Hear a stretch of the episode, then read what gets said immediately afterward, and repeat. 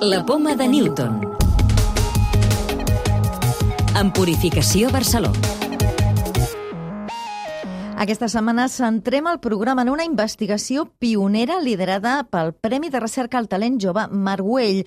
Modificar genèticament porcs per avaluar les possibilitats d'utilitzar els seus òrgans en humans. També us parlarem de nous marcadors per avaluar el risc de tenir càncer de pulmó i d'un projecte per provar els efectes beneficiosos d'un compost natural per evitar el deteriorament cognitiu. Marguell assaja la clonació de porcs per un mètode similar al de l'ovella d'oli per dotar-los d'algunes característiques genètiques humanitzades. L'objectiu és que aquestes modificacions facin possible la utilització dels seus òrgans per a trasplantaments. De moment, els resultats del projecte són molt encoratjadors. El que fem doncs, és agafar porcs, d'alguna manera humanitzar-los, o sigui, bàsicament afegim gens humans que són claus en, en, en augmentar la compatibilitat i també eliminem qüestions que poden ser insegures per a aplicar-ho en humans. És un projecte molt, molt apassionant que de fet està produint molt bons resultats fet dos, dos grups. Un grup que li hem eliminat tots els virus endògens, que són uns virus que estan dins dels genomes dels porcs, que poden provocar un risc, i després també hem fet altres porcs que tenen aquesta compatibilitat augmentada, o sigui, porcs que tenen algunes parts del genoma humanitzades procés molt semblant a l'ovella d'oli. En aquest cas, en comptes de clonar-ho des d'una altra ovella, el que fem és clonar-ho des d'unes cèl·lules que són de porc inicialment, però que els hem humanitzat. O sigui que els hem afegit molts eh, gens humans relacionats amb el sistema immunològic, amb la coagulació de la sang, i després doncs, aquest porc que es genera de nou, el mateix procés que es va fer la d'oli, que és tot transgènic, o sigui que els fills d'aquell porc també seguiran sent humanitzats. Alguns d'aquests òrgans obtinguts dels porcs clonats ja s'han assajat en primats a l'Hospital de Massachusetts als Estats Units.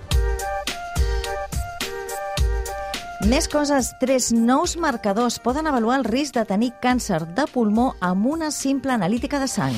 Els han desenvolupat investigadors del Canadà, el Regne Unit i Itàlia i permeten seleccionar els pacients amb més risc i que, per tant, s'haurien de sotmetre a un tac de comprovació.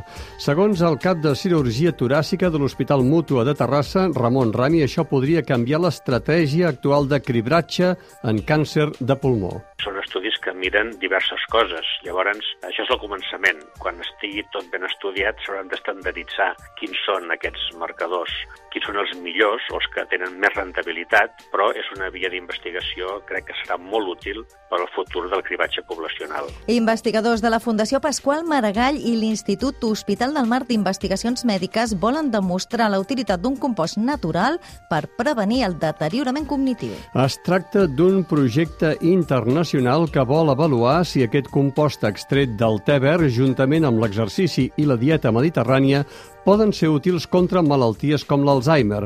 José Luis Molinuevo, director científic de la Fundació Pascual Maragall. Es una vía nueva, un fármaco, eh, como es la epigalocatequina, que en definitiva es un derivado del té verde, con lo cual puede favorecer una terapia natural también, y luego intervenciones no farmacológicas, que si demostramos que tienen un papel, esto ayudará a que la sociedad realmente se tome mucho más en serio ciertas intervenciones que estan al alcance de tot el món. No? Captada l'explosió més violenta fins ara en tota la història de la Via Làctia. La investigació demostra que un 80% de les estrelles del centre de la Via Làctia es van formar en un passat molt remot fa entre 8 i 13.000 milions d'anys. Després hi va haver un període de calma i finalment aquesta intensa explosió, la més important detectada fins ara fa uns 1.000 milions d'anys, que va donar lloc a la formació de diverses desenes de milions d'estrelles al centre de la nostra galàxia. Els científics ja tenen proves que va ser l'impacte d'un asteroide i no l'activitat volcànica de la Terra el motiu de l'extinció dels dinosaures. Es tracta d'una recerca de la Universitat de Yale. Han estudiat dades climàtiques, biològiques i del cicle del carboni de sediments i fòssils marins i les han comparat amb diversos escenaris tant d'impactes com d'erupcions volcàniques. La conclusió és que els dinosaures es van extingir per la col·lisió col·lisió d'un asteroide de 10 quilòmetres de diàmetre fa 66 milions d'anys. L'impacte va provocar una forta emissió de gasos a l'atmosfera que també va fer desaparèixer la majoria de les espècies del nostre planeta. La clau de volta.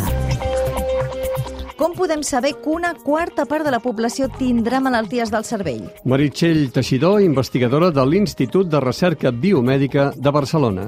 És un número que sobta, no? Dius, una quarta part no pot ser. Quan comencem a pensar-ho, doncs sí que ens surt aquesta llista, no? Tot se'ns acudiria l'Alzheimer, el Parkinson, però jo afegiria una llista molt llarga. Doncs podem tenir l'esquizofrènia, el trastorn bipolar, l'epilèpsia, els tumors cerebrals, fins i tot alguns aspectes de l'obesitat requereixen el tractament del cervell i quan va sumant, doncs sí que és una quarta part de nosaltres durant la nostra vida.